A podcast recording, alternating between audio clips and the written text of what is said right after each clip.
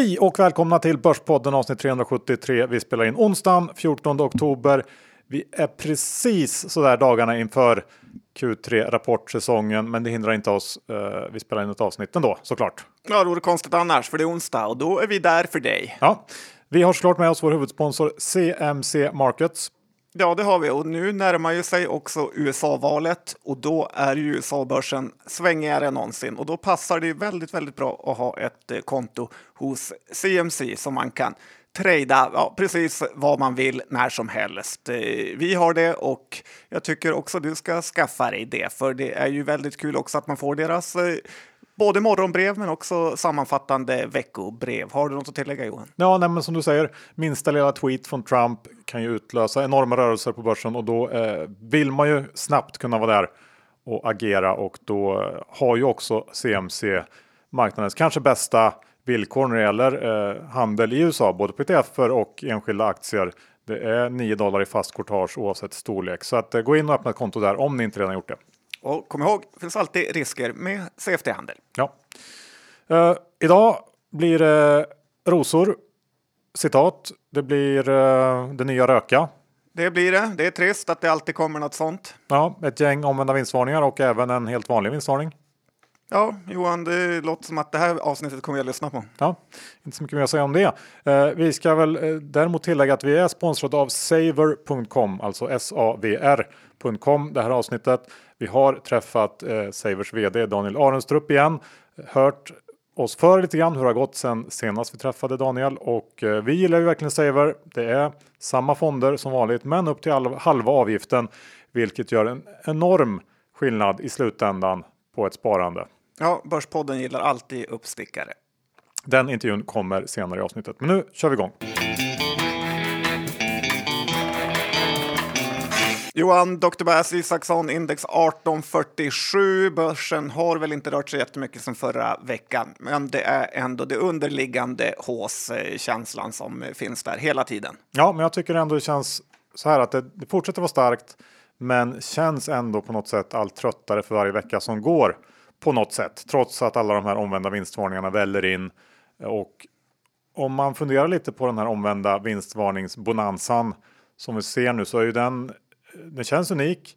Och förutom att det visar att bolagen uppenbarligen tjänar mer pengar än, än vad i alla fall analytikerna väntat sig så visar det också att marknaden på något sätt är ovanligt osynkad med verkligheten och hur bolagen går. Och det i sin tur tänker jag innebär att vi inte riktigt förstår vad som händer. Eh, exakt hur mycket stödpengar som ligger i de här vinsterna eller hur stor del av kostnadsbesparingarna som kan eh, kommer bli permanenta eller om det kanske till och med är så att det istället kan komma kostnadsökningar framöver som ja, när saker och ting normaliseras och, och alla eh, aktiviteter eller investeringar man har skjutit på, på framtiden måste köras igång igen. Jag tycker att det här är ganska intressant eh, och det öppnar ju också upp för negativa överraskningar längre fram. Eh, och det här i kombination med väldigt höga värderingar på sina håll och kanter eh, och en enorm riskaptit. Jag har sett att det noteras ju typ ett nytt sånt här SAS-bolag per dag på den här norska Merkurbörsen till exempel. Och det gör ändå att... SAS-bolag. Ja, SAS. Annars kan man tro att det är flygbolag. det är inte så bra. Sant, där, där får jag säga, där hade du nog rätt. Eh, SAS-bolag. Eh, men det gör ändå att jag tycker att det känns lite toppigt. Jag, jag har faktiskt dragit ner på risk nu. Rätt eller fel får vi se.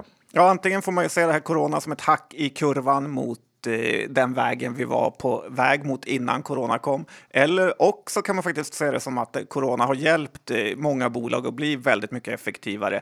Topline verkar ju inte slås, alltså försäljningen någonstans, men däremot vinsten ökar ju som sagt. Och eh, det kan ju vara så att effektiviseringar, att eh, man skickar ut mindre säljare via flyg, hotellkostnader och så vidare och sen kör man Zoom-möten som verkar fungera precis lika bra. Så att eh, för tillfället att bolagen är effektiva effektivare än eh, någonsin och därför ska vinsterna också upp. Ja, mindre kaffe och toalettpapper på kontoren också som går åt.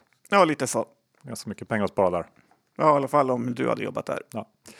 Eh, Sverige i världen, John. Ja, det är ju faktiskt så att vi får titta utanför vårt lilla land ibland och då har det varit den årliga NHL-draften eh, och Malmö-spelaren Helge Grans blev draftad, alltså vald för folk som inte kan något om sport, av Los Angeles Kings. Eh, jag tyckte det var lite roligt när han fick fråga av någon svensk eh, sportkanal hur det kändes. Eh, så sa han att Los Angeles Kings verkade vara en fin förening. Och bara den grejen att man benämner amerikanska proffslag som en förening gör mig lite orolig för hur han kommer lyckas eh, där borta. I USA kallar de ju själva laget för franchise och eh, det är så långt bort ifrån en svensk förening man kan komma. Men det var lite megasvenskt och eh, klassiskt naiv och ganska stor chans att det kanske blir raka vägen till farmarlaget för lilla Helge. Men en annan intressant grej i samband med den här draften är ju att Every Sports Media Group som är ett pyttebolag får man säga, på Stockholmsbörsen satte besöksrekord på sin sajt Elite Prospects eh, där man kan leta och eh, följa i princip alla hockeyspelare i världen. Eh, till och med Erik Hansén kan man, hittar man där och eh, kan man säga att han spelar 22 matcher i Almtuna säsongen 03-04 och gjorde ett mål, sjukt nog, nog mot eh, Björklöven faktiskt. Så att, då förstår ni hur detaljerat det är. En annan sajt som Everysport också har är ju Svenska fans. Så att jag tycker ändå i den här digitala världen är det värt att hålla koll på eh, det bolaget som har haft en svag period i och med att det inte varit någon sport, men kanske är lite av en guldålder nu när alla sporter kör eh, samtidigt. Vill du höra en annan Los Angeles-grej, Johan? Ja, vill bara flika in snabbt. Helt kanske irrelevant, men Föreningssverige kanske är det finaste vi har. Eh, Sa en eh, tränare i ett ja, Brommalag. Jag är tränare. Eh, Börspodden sponsrar en liten hockeyförening i Bromma. Jag tycker att eh, man ska slå ett slag för Förening Sverige som gör väldigt, väldigt mycket gott utan att vilja ha någonting tillbaks. Ja, man kan väl säga så att Los Angeles Kings eh, ungdomarna inte säljer kokosbollar till grannarna. eh, men det är så, i Los Angeles så vann ju LA Lakers eh, NBA-slutspelet eh, här och eh, som vi säger i Sverige med superstjärnan LeBron men som heter LeBron. Och, jag vet inte vem som säger LeBron riktigt. Ja, men ganska många kan jag säga. Det är från Umeå då, eller? ja, det finns en och annan kille som säger LeBron där. Men han har också sin parhäst. Eh, vet du vad han heter?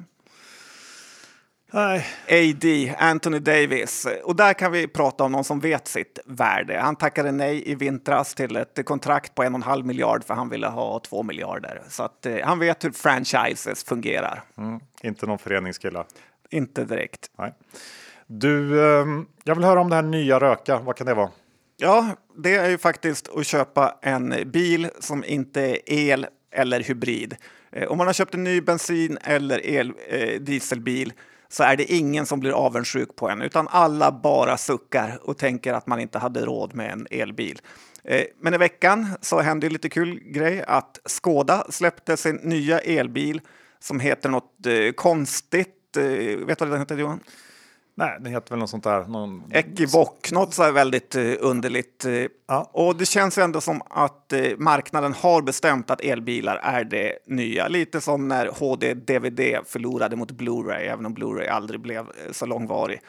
Men Skoda ägs ju av Volkswagen och det ska bli lite intressant att se hur Tesla kommer kunna stå sig emot den här kavalkaden av konkurrenter eh, som kommer dyka upp den närmsta tiden och åren här med nya modeller.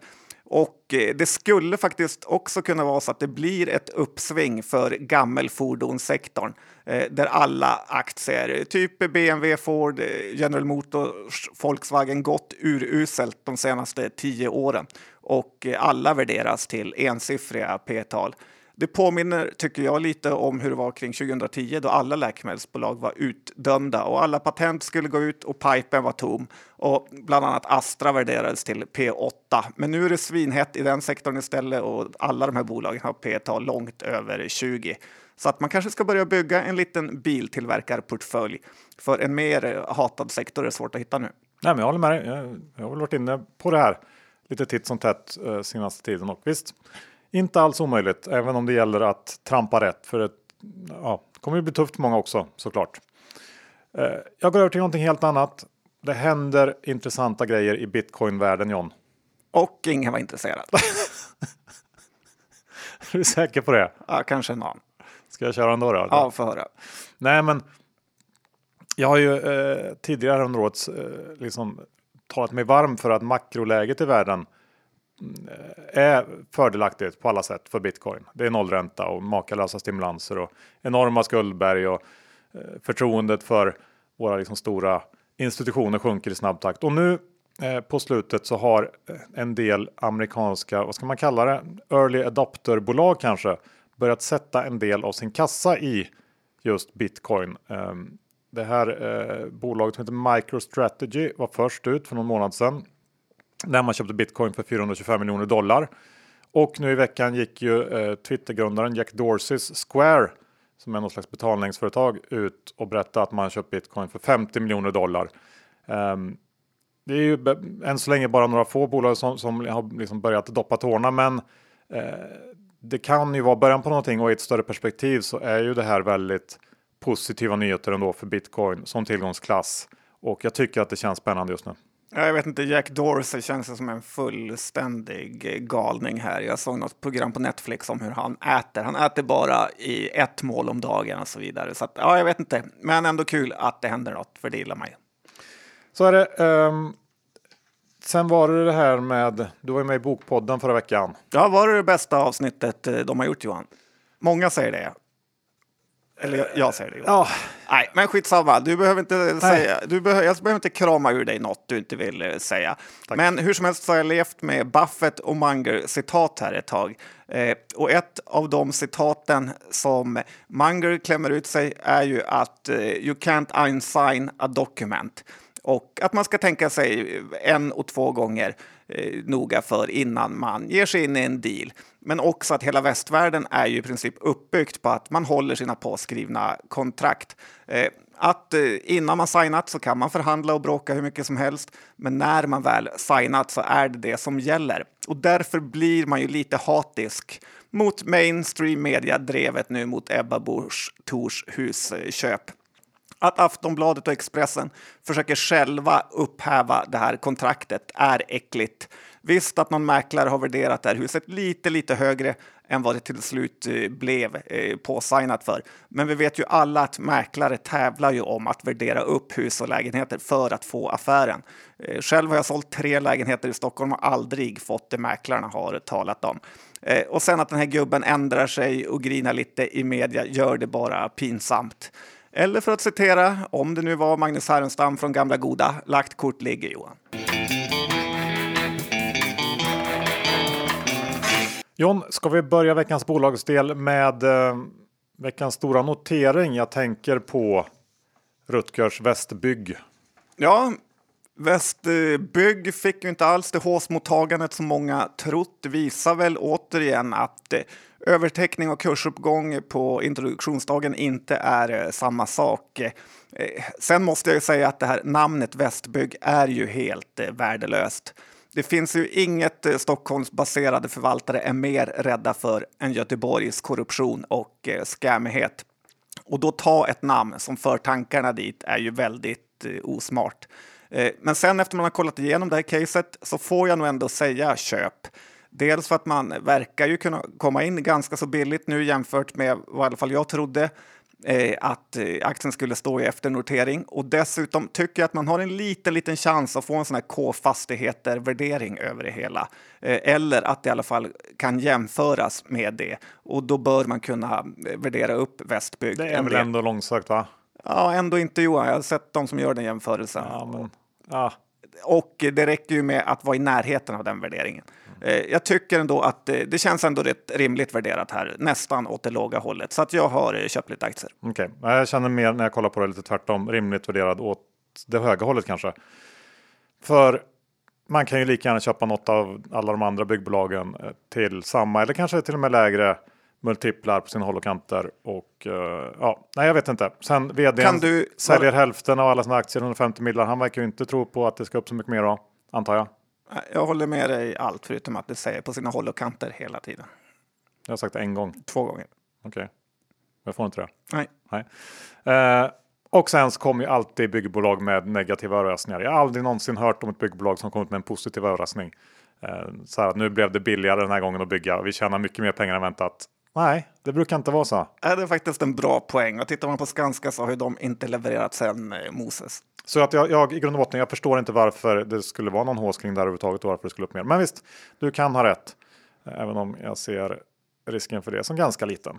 Ja, vi får se. Ja, eh, då går vi över till segmentet veckans omvända vinstvarningar. Det går inte att ta med allihop för det har ju kommit så många så att man har tappat räkningen. Men jag tänkte, jag har plockat upp eh, ett gäng i alla fall. Börjar med Handicare, Handicare, eller vad säger man?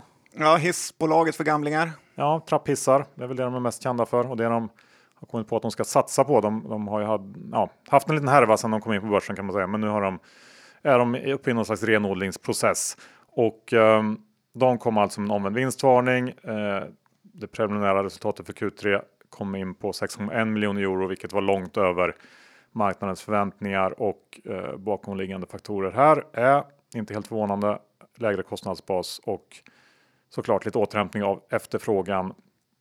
Och eh, i Handicares fall så är det väl det är inte helt oväntat att man lyckas trimma kostnaderna för man är ju mitt uppe i ett kostnadsbesparingsprogram med det fyndiga namnet The Lift Up Program. Eh, men det har uppenbarligen gått lite snabbare och bättre än väntat och aktien har gått starkt på slutet. Men om man tror Eh, på fortsatt leverans från det här Lift Up-programmet och lite bättre efterfrågan så eh, kan det kanske finnas mer att hämta eh, för den här aktien som fortfarande inte nått upp till sin noteringsnivå i slutet på 2017 och heller inte handlas på helt horribla nivåer på 2021 prognoser. Så att ja, det är väl ändå okej. Okay. Ja, man vet ju hur mycket de anställda hånar ledningen för att de har kommit på ett program som heter Lift Up Program för att höja lönsamheten. Det är ingen anställd som respekterar ledningen för det. Jag tror ledningen är extremt nöjd. Jo, de är det tyvärr. Ja. Sen har vi, eh, om vi ska titta lite på, på um, verkstad, så har vi både Bufab och Gränges eh, som är lite under de största verkstadsbolagen, men bägge de två har levererat omvända vinstvarningar. Eh, måndags kväll var det ju eh, skruv och mutterleverantören Bufab och eh, där väntas resultatet för Q3 stiga med nästan 60% jämfört med samma period eh, förra året eh, och det utan några permitteringsstöd skriver man eh, samtidigt som den, eh, den organiska tillväxten väntas vara kring nollan och det får man ändå säga är makalöst starkt. Ehm, och det är ju såklart då betydligt lägre kostnader som ligger bakom det här. Bufab levererar brett till massor av olika branscher inom industrin och eh, ehm, det i kombination med att det handlar om, om interna kostnadsbesparingar såklart och inte tillväxt som driver den här vinstvarningen gör tycker jag att det är svårt att dra några jätteväxlar på just Bufabs vinstvarning eller omvända vinstvarning. Eh, och tittar man på aktien så har ju den gått väldigt starkt. Eh, jag tror att man kan vänta med den eh, på de här nivåerna för att det, ja, det känns lite stretchat tycker jag. Ja, väldigt eh, dyrt. Eh, samtidigt kul hemsida att gå in på. Tittar man på hur deras eh, produkter fungerar så blir man ändå lite imponerad. Men eh, det får inte kosta vad som helst. Nej, ungefär så. Ingenting för dig att jobba tror jag. Det är väl liksom 150 000 muttrar och skruvar att hålla koll på. Nej, det hade kanske inte passat John Skogman. Nej, det hade inte. Gränges kanske hade passat lite bättre. Stor... Eh, Öldrickarbolaget eller? Ja, Ölen? Ja, jag tänkte inte på just den Gränges, men jag tänkte på aluminiumprodukt Gränges. Eh, här har vi en stor underleverantör till bilindustrin får man säga och eh, lite glädjande då att de kommer in starkt. Eh, resultatet för Q3 väntas uppgå till 200 miljoner. Det är snäppet över Q3 förra året. Eh, nästan dubbelt så bra som analytikerna väntar sig och eh, här handlar det både om starkare volymer än väntat och då de här kostnadsbesparingarna som vi är så vana vid att se. Och här kanske det går att få ut lite mer. Eh, den, den här aktien har väl eh, lite mer eh, kvar upp till toppnivåer än vad Bufab har till exempel. om, om, då får man hoppas på att det blir ytterligare fart på volymerna och att ja, men besparingsprogrammen fortsätter att leverera. Men starkt då även av Gränges. Ja, Gränges är ett sånt bolag som alla tycker alltid är lite undervärderat Eh, jag såg också Bulten har ju blev höjd idag. Och det var någon bank och har ju också gått bra inom eh, den sektorn får man säga, eh, räkna till Bulten. Ja. Och eh, lite förnedrande för Öresund att de har sålt ut sig Bulten innan deras, eh, den resan började uppåt. För nu är den aktien också kommit en bra bit på vägen. Ja, där är väl mer eller mindre en en omvänd vinstvarning också inprisad känns det som. Nu vill jag gå över till eh, det här eh, Frysa rosor-bolaget. Ja, det är väl kanske det bolag du respekterar minst på börsen Johan. Ja, ett Eh, av stämmer dem. Optifreeze alltså. Exakt. Och eh, de har ju varit ute och pratat eh, med, eh, om hur deras verksamhet fortlöper och verkar rätt nöjda trots ditt eh, bottenlösa hat. Eh, den här maskinen som de har utvecklat då sprutar ju in något i en snittblomma för att, för att den ska kunna hålla längre och de ska kunna ta mellan 25 till öre till en krona per blomma då och eh, räknar ju att för varje maskin de ställer ut eh, så ska de kunna göra 10 miljoner kronor i bruttovinst. Och man är ju faktiskt alltid lite skeptisk till det här Cassandra Oil-tänket med att man bara ställer ut maskiner och sen gör man massa vinst. Eh, Samtidigt har ju Optifreeze bara ett börsvärde på 350 miljoner. Så kan man börja visa lite framgång och man har ju en dåligt avtal på plats så finns det ändå fin potential i det här bolaget. Eh, samtidigt som man ska säga att snittblommor inte är enda området eh, de jobbar inom. Så att, eh, jag har i och för sig sålt alla mina aktier här, men tycker ändå att det är ett litet kul bolag att följa. Och Johan, vad säger du? Jag ser att Ja. du inte är köpsugen. Ja, men möjligtvis kul att följa då. Det är väl det. Ja, nej, Fast inte på ett, ett liksom, inte på ett sätt som gör att man ska tjäna pengar. Det är kul att se en sån här grej, men mer än så är det inte. nej, men Det är lite festligt. Ja, om blommorna håller längre. Bra för miljön. Nej, vi, ja, vi lämnar det bara. Eh, och går över till eh, SAS som ju har börjat vackla lite grann efter den märkliga och konstiga uppgången här. Eh, vilket ju är naturligt såklart. Tyngdlagen börjar eh, verka. Ja, så kan man säga. Och imorgon är sista dagen för handel med teckningsrätten. Och jag är faktiskt glad att se att min vädjan till SAS-ägarna har gått hem på ett visst sätt. På Avanza har ägandet eh, minskat från 37 000 till 30 000 på en vecka här. Men det är fortfarande alldeles eh, för många. Eh, SAS teckningsrätt handlas nu kring 10 öre och stamaktien i 2,30. Så att man gör fortfarande en enorm vinst eh, på att eh, sälja sina SAS-aktier och köpa teckningsrätten istället. Eh, då en eh, teckningsrätt plus eh, det här tilläggsköpeskillingen då blir 1,26 jämfört med 2,20 eller 2,10 för eh, SAS-aktien här. Så att det, det är bortom tjänstefel att inte göra det, för det är snart för sent faktiskt. Och sen är ju ändå frågan om man ens ska äga SAS. För tittar man på Lex Norwegian så är ju den aktien på all time low nu och de har gjort något som är väldigt likt det SAS gör nu. Så att, nej, om inte 30 000 pers på Avanza agerar nu borde de bli av med sitt börskörkort. Ja, plus då att det känns som att flygresandets eh, comeback kanske drar ut lite längre på tiden än vad många kanske trodde för bara någon månad sedan. Ja, faktiskt. Och tittar man på eh, till exempel eh, Scandic så ser man ju också att den, det bolaget som lite hänger ihop med SAS och resandet går ju fruktansvärt eh, dåligt eh, och eh, ingenting att ha i den långsiktiga portföljen i alla fall. Nej. Då tänkte jag ta upp Kindred. Vi pratade ju om Kindred i förra veckans avsnitt eh, och ja, de passar ju på att komma med en omvänd vinstvarning under fredagen förra veckan, bara några dagar efter då. Och eh, intäkterna väntas komma in på rekordnivån 280 miljoner pund eh, trots en ganska svag sportboksmarginal.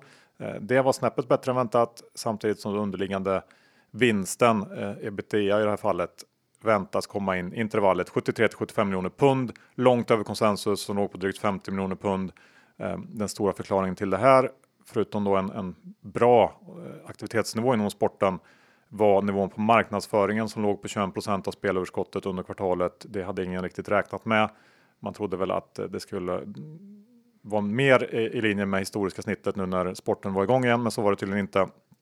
Ehm, men bolaget säger att nivån på marknadsföringsinvesteringarna har eh, återgått till nivåer något under det långsiktiga snittet under andra halvan av Q3 och man kan väl tänka sig att att de här kostnaderna kommer gå mot en mer normaliserad nivå under Q4. Eh, det gör att man får väl ta Q3-vinsten med en liten nypa salt. Eh, men oavsett det är det riktigt starkt såklart. Det ska bli intressant också att få se hur det, hur det går i USA när hela rapporten kommer och trading updaten blir såklart också intressant. Själv eh, tog jag en snabb vinst här Eh, och har sålt mina Kindred trots att det fortfarande är en, en riktigt billig aktie.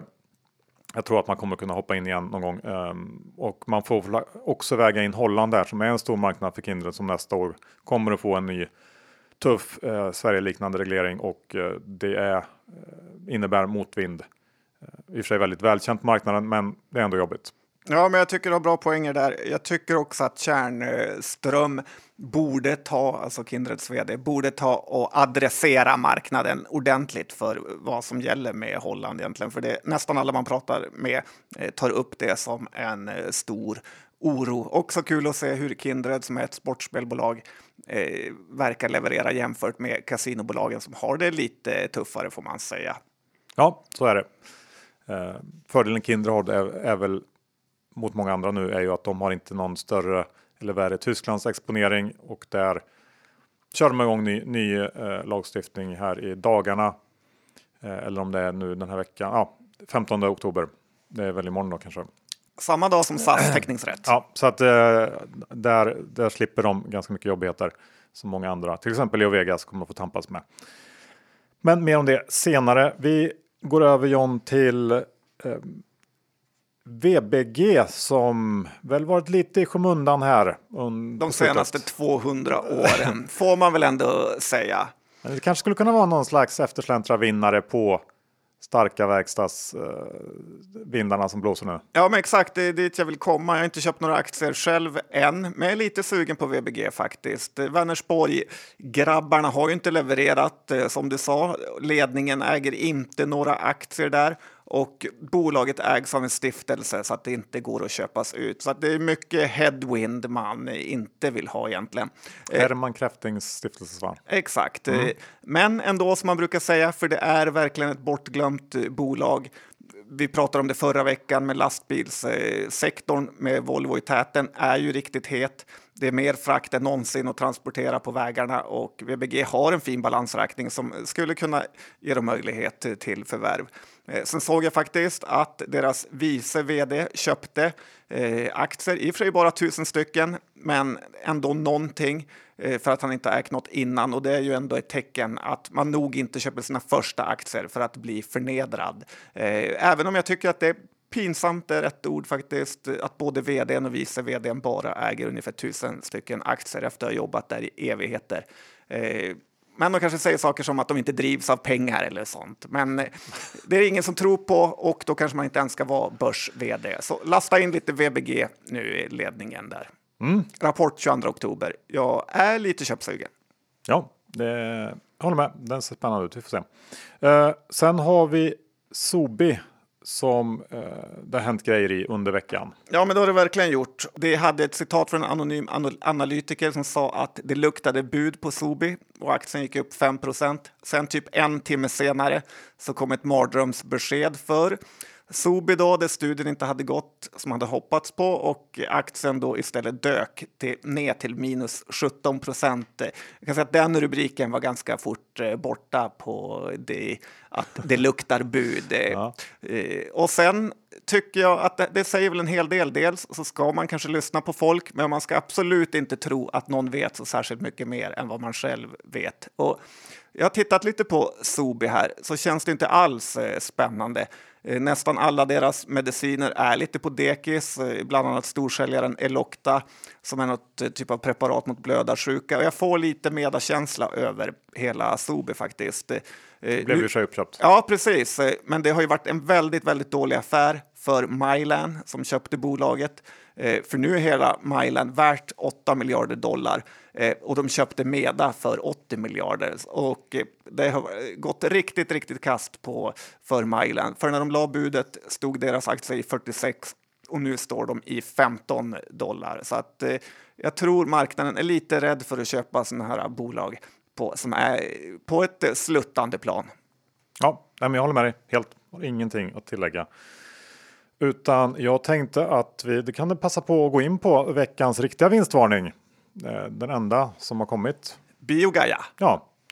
Eh, de kom ju med en rejäl besvikelse när man då gick ut med sina siffror igår var det va? För mig, ja. Ja, tisdagen. Ja, precis. Omsättningen föll med 20% och vinsten med 45. Det här kom, eh, tror jag i alla fall, som en total överraskning efter en, en ganska fin Q2 och i de prognoser som jag sett som fanns i marknaden så räknar man med en kraftig tillväxt både omsättningsmässigt och resultatmässigt. Och Biogaia hävdar att den här missen beror på att det i stor utsträckning är läkare och apotekare som rekommenderar sina patienter att använda Biogaias produkter och på grund av då coronasituationen så har eh, Biogaias säljstyrkor inte i samma utsträckning kunnat då bearbeta eh, den här, de här läkarna och apotekspersonalen där eh, och det har då bidragit till lägre försäljning. Vet inte om det är bara jag som, som tycker att den här förklaringen känns lite svag. Är det verkligen så fruktansvärt många läkare som ordinerar probiotika? Eh, och man kan väl också tycka att det kanske borde ha märkts av i Q2 också i så fall. Eh, hur som helst så förstår jag verkligen marknadens reaktion när man då skickar ner den här aktien nästan 20% igår. Eh, det var också en aktie som handlades en hårsmån ifrån sitt all time high inför de här siffrorna släpptes. Så att ehm, ja, det är, lite risky i sådana här high flying aktier som inte levererar och ehm, det ja, kan vara bra att ha med sig. Ja, skickar också lite oro på de här andra hälsokostbolagen hur den försäljningen har gått. Om folk inte är i butiker eller inte har eh, fått eh, pitch, blivit pitchade tillräckligt eh, ordentligt. Så att, lite orolig ska man vara. Mm, faktiskt. Vi går över till Handelsbanken och den omtalade spreaden där. Ja, men det här är också en av de konstigaste felprissättningarna just nu på börsen. Och eh, det är ju så att det är nästan 16 kronors skillnad mellan Handelsbanken A och Handelsbanken B-aktie. Eh, exakt samma bolag förutom ovanligheten att den röststarka, eh, som dessutom är mycket mer likvid, handlas lägre. Eh, så caset är ju då korta B-aktien och sen går man lång A-aktien. Eh, eller så eh, har man bara B-aktier kan man lika gärna sälja dem och köpa A-aktien. Och sen brukar det vara så att när utdelningen närmar sig, eh, som kommer här då senast i vår antar jag, eller kanske ännu tidigare, så bör spreaden gå ihop när man får mycket mer betalt för att då äga A-aktien.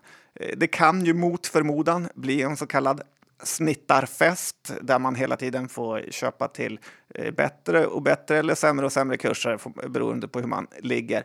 Eh, men det är väldigt mycket som talar för att i längden kommer det här bli en bra affär som jag är intresserad av att göra själv. Ja, det enda problemet med sådana där är ju att det är Ja, det, det, kan ta längre tid än vad man tror och det, liksom, det, ser väldigt enkelt ut men ofta är det någonting tekniskt eller något annat som ligger bakom som gör att det inte riktigt blir rätt. Eh, och att du är inte först med att komma på det här. Verkligen inte. Och man ska inte gå all in utan eh, ha det som en liten eh, kul position. Ja. Bra John, då är det inte så mycket mer kvar än att uh, köra igång snacket vi hade med uh, Daniel på Saver.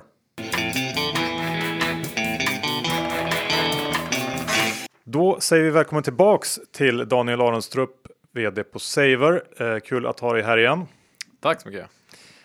Du var ju här och gästade oss, eh, ja, vad ska man säga, strax efter att ni hade kickat igång Saver. Eh, och vi kan börja med att, att du, du, bara kort berättar vad Saver är för de som, som missat det. Mm. Så att vi är en ny då, man säga. Nu har vi nästan varit igång ett år. Uh, men en ny fondplattform. Så uh, det är uh, köp, sälj, månadsspara i 1300 olika fonder och den stora skillnaden gentemot eh, Avanza, Nordnet eller alla andra fondplattformar, det är att samma fonder har lägre fondavgifter hos oss. Och hur är, ni, är det ni lyckas med det? Så den provisionen som vi får från fondbolagen och som alla andra distributörer och nätplattformar får, den ger vi tillbaka till kunden eller till investeraren. Uh, och så tar vi en fast låg avgift på 0,09 procent istället.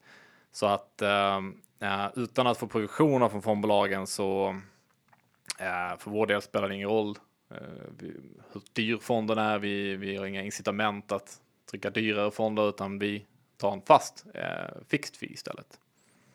Intressant. Kan du inte berätta lite om hur branschen har reagerat på det här då? Ja, Och hur fonderna har reagerat? Ja, nej, vi, eh, vi bröt ju lite mark i Sverige med detta. Det första gången som någon faktiskt eh, utmanade på prissättningen överhuvudtaget. Uh, detta har ju redan skett i resten av Europa och Sverige är bland de sista länderna som tillåter att man får provision av fondbolagen på det här sättet. Um, så att hela branschen var ju förberedd på att det skulle hända. Men eh, det blev eh, minst lika stormigt ändå skulle jag säga. Först och främst så är det väl att en del fondbolag har ju mycket egna kunder så att säga. Eh, och det är väl bankerna är väl ett sådant exempel som eh, har mycket egna kunder i sina egna fonder.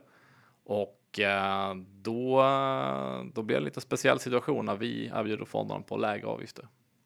Mm. Eh, och hur, hur har det då gått sen du var här senast? Det var någon gång i, tidigt i år. Eh, och som sagt, ni hade ganska nyligen kickat igång då. Hur har det gått nu det här senaste halvåret? Det har väl gått eh, fantastiskt bra får vi säga. Um, vi tyckte att vi, vi växte fort när vi var här senast, men eh, nu växer vi säkert fyra, fem gånger snabbare per månad. Um, det hänger säkert ihop med att det var en ny tjänst och du har alltid dina early adopters som är liksom uh, först in och, och, och vågar. Uh, men nu märker vi att kunderna börjar förstå att vi går ingenstans och vi har funnits ett tag. Så att vi ser ju eh, mer kunder och vi ser kunder som kommer in med mer kapital, eh, fler som litar på tjänsten så att säga. Hur många fonder har ni just nu ungefär? Vi har, det är 1300 fonder ungefär, eh, 150 fondbolag ehm, och 150 fondbolag med och runt 10 som eh, inte är med. Mm. Och vad är anledningen att de inte är med? Ja, det är ju den intressanta frågan då. Uh, men det är lite som jag sa, i, um, i, i, i de flesta fall så är det att de, uh, de har mycket direktkunder, så att säga. Uh, och de, de vill inte rubba den prissättningen helt enkelt. Um, så att, eh, men det är ju det är ju en trend som är väldigt svår att sätta sig emot. Ehm, om du inte erbjuder dina fonder hos oss, ehm, då då finns det väldigt många andra fonder som står på, står på rad och eh, erbjuder minst lika bra fonder men till halva avgiften och då går kunden dit istället. Om vi tittar på, på vad era kunder gör på plattform nu, vad, vad ser du för trender? Vad är det som är populärt? Vi ser att um, tematiska fonder är väldigt populärt. Um, vi, um, tematiska fonder är ju lite mer, uh, för att ta några exempel, så till exempel eh, e-sportfond eller en artificiell intelligensfond. Vi har märkt att eh, det här är väldigt mycket investerare som, som tycker det här kan vara lite, lite, lite roligare produkter än klassiska Sverige och globalfonder. Uh, så det där är, har gått väldigt bra. Daniel, det här gäller ju inte bara att det är positivt för eh, spararna utan det är även kul för fondbolagen att de får eh, presentera sina fondförvaltare och fonder lite bättre än det kanske går på de vanliga hemsidorna. Ja, precis. Vi försöker att skapa lite mer av en storytelling eh, liksom känsla kring fonder.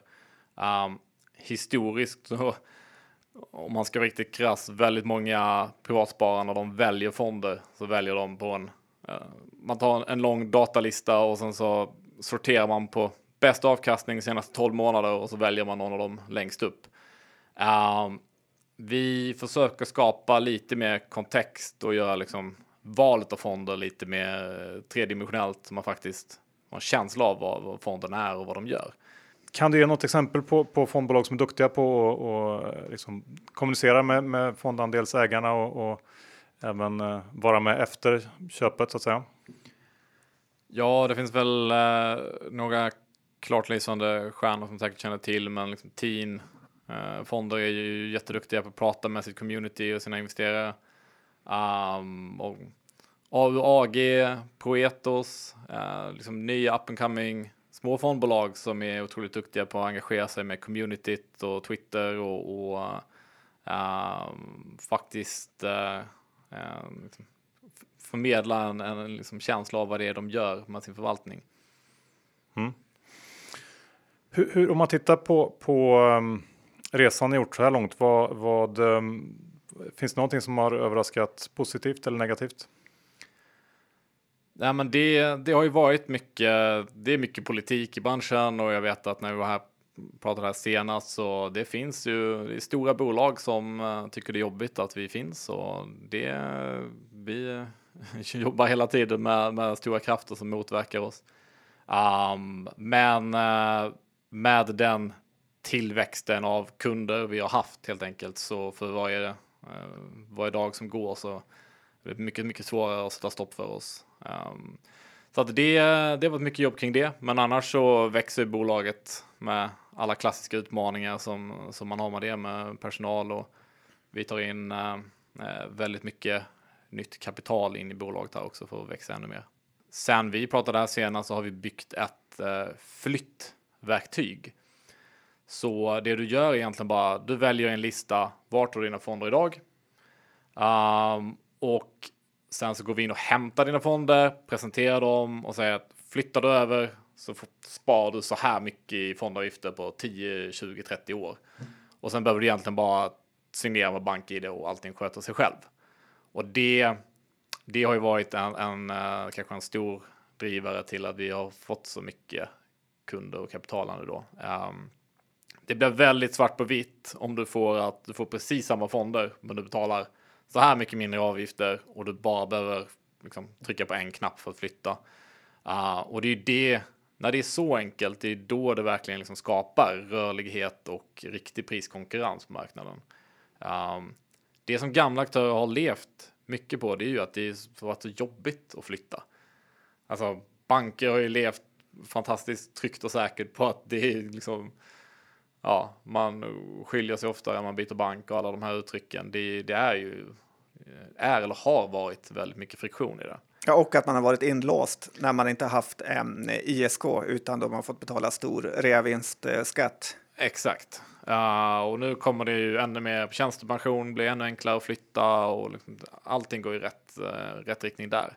Så att uh, det är då man verkligen kan göra impact på att faktiskt det blir bättre för konsumenten med den här rörligheten. Jag tittade igenom lite av era fonder. Ni har Fidelity, TIN som du nämnde. Det är Coeli har ni också. Men vilken är er allra, allra mest populära fond som kunderna har? Den enskilt populäraste är TIN, Ny Teknik. Karl ah. Armfelt ska alltid ha allt. um, men men annars Coeli global är otroligt populär. Um, Spiltan högräntefond, uh, väldigt populär, även om det var lite stormigt där i, i mars-april. Um, men uh, nej, det är klart, det är globalfonder, teknikfonder, småbolagsfonder är ju fortfarande populärast. Har ni någon fond som ingen har? vi har ganska många fonder som ingen har, skulle jag säga faktiskt. Det, det finns mycket fonder, uh, framförallt mycket liksom, europeiska uh, fondbolag som väldigt få känner till i Sverige. Vi, vi är ju ganska glada för våra liksom, hushållsnamn som vi känner till. Uh, det är de klassiska svenska stora fondbolagen.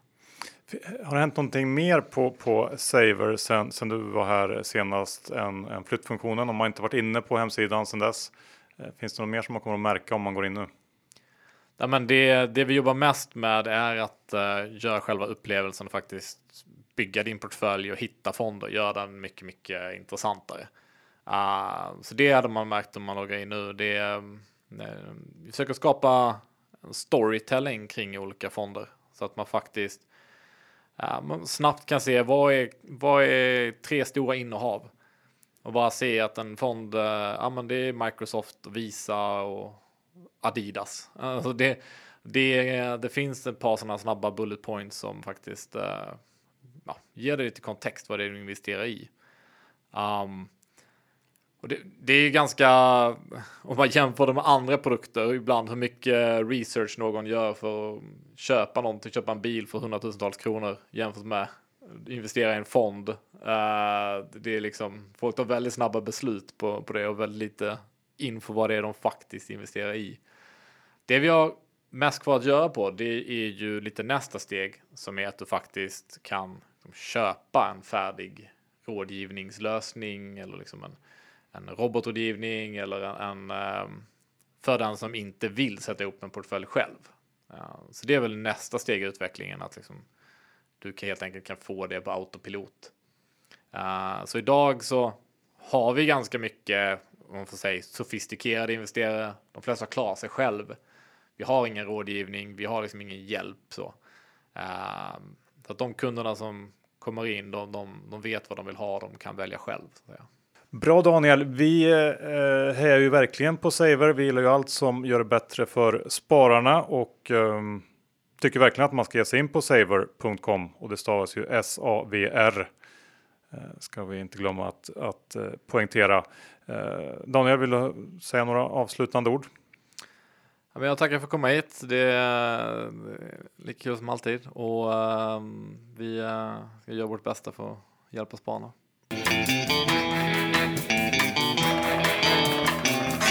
Slut på avsnitt 373. Vi tackar vår huvudsponsor CMC Markets. Var redo nu i valtider med allt som händer på den amerikanska marknaden så ha eh, appen nedladdad på din mobil helt enkelt. Ja, det är tjänstefel att inte ha det. Ja, och eh, vi tackar också saver.com, alltså savr.com. Där hittar du exakt samma fonder som du hittar på alla andra ställen. Bara det att de är upp till halva avgiften. Ja, hjälp dina nära och kära som inte har lika bra koll på börsen som du att uh, pitcha det här, för det är en bra idé. Mm. Hur är det med egna innehav John den här veckan? Jag har ju bitcoin såklart. Ja, det är vi inte oroliga för. Nej, i övrigt så tror jag det är ganska Kindred hade jag sålt. Uh, ja, nej, du då? Jag har fortfarande kvar mina Kindred, litar på Tjärnström och jag har lite Västbygg och även kort lite SAS. Härligt. Att, uh, man ska alltid ha några järn i elden. Det ska man. Då tackar vi för att ni lyssnade den här veckan. Hörs nästa onsdag igen. Hej då! Det gör vi. Hej då!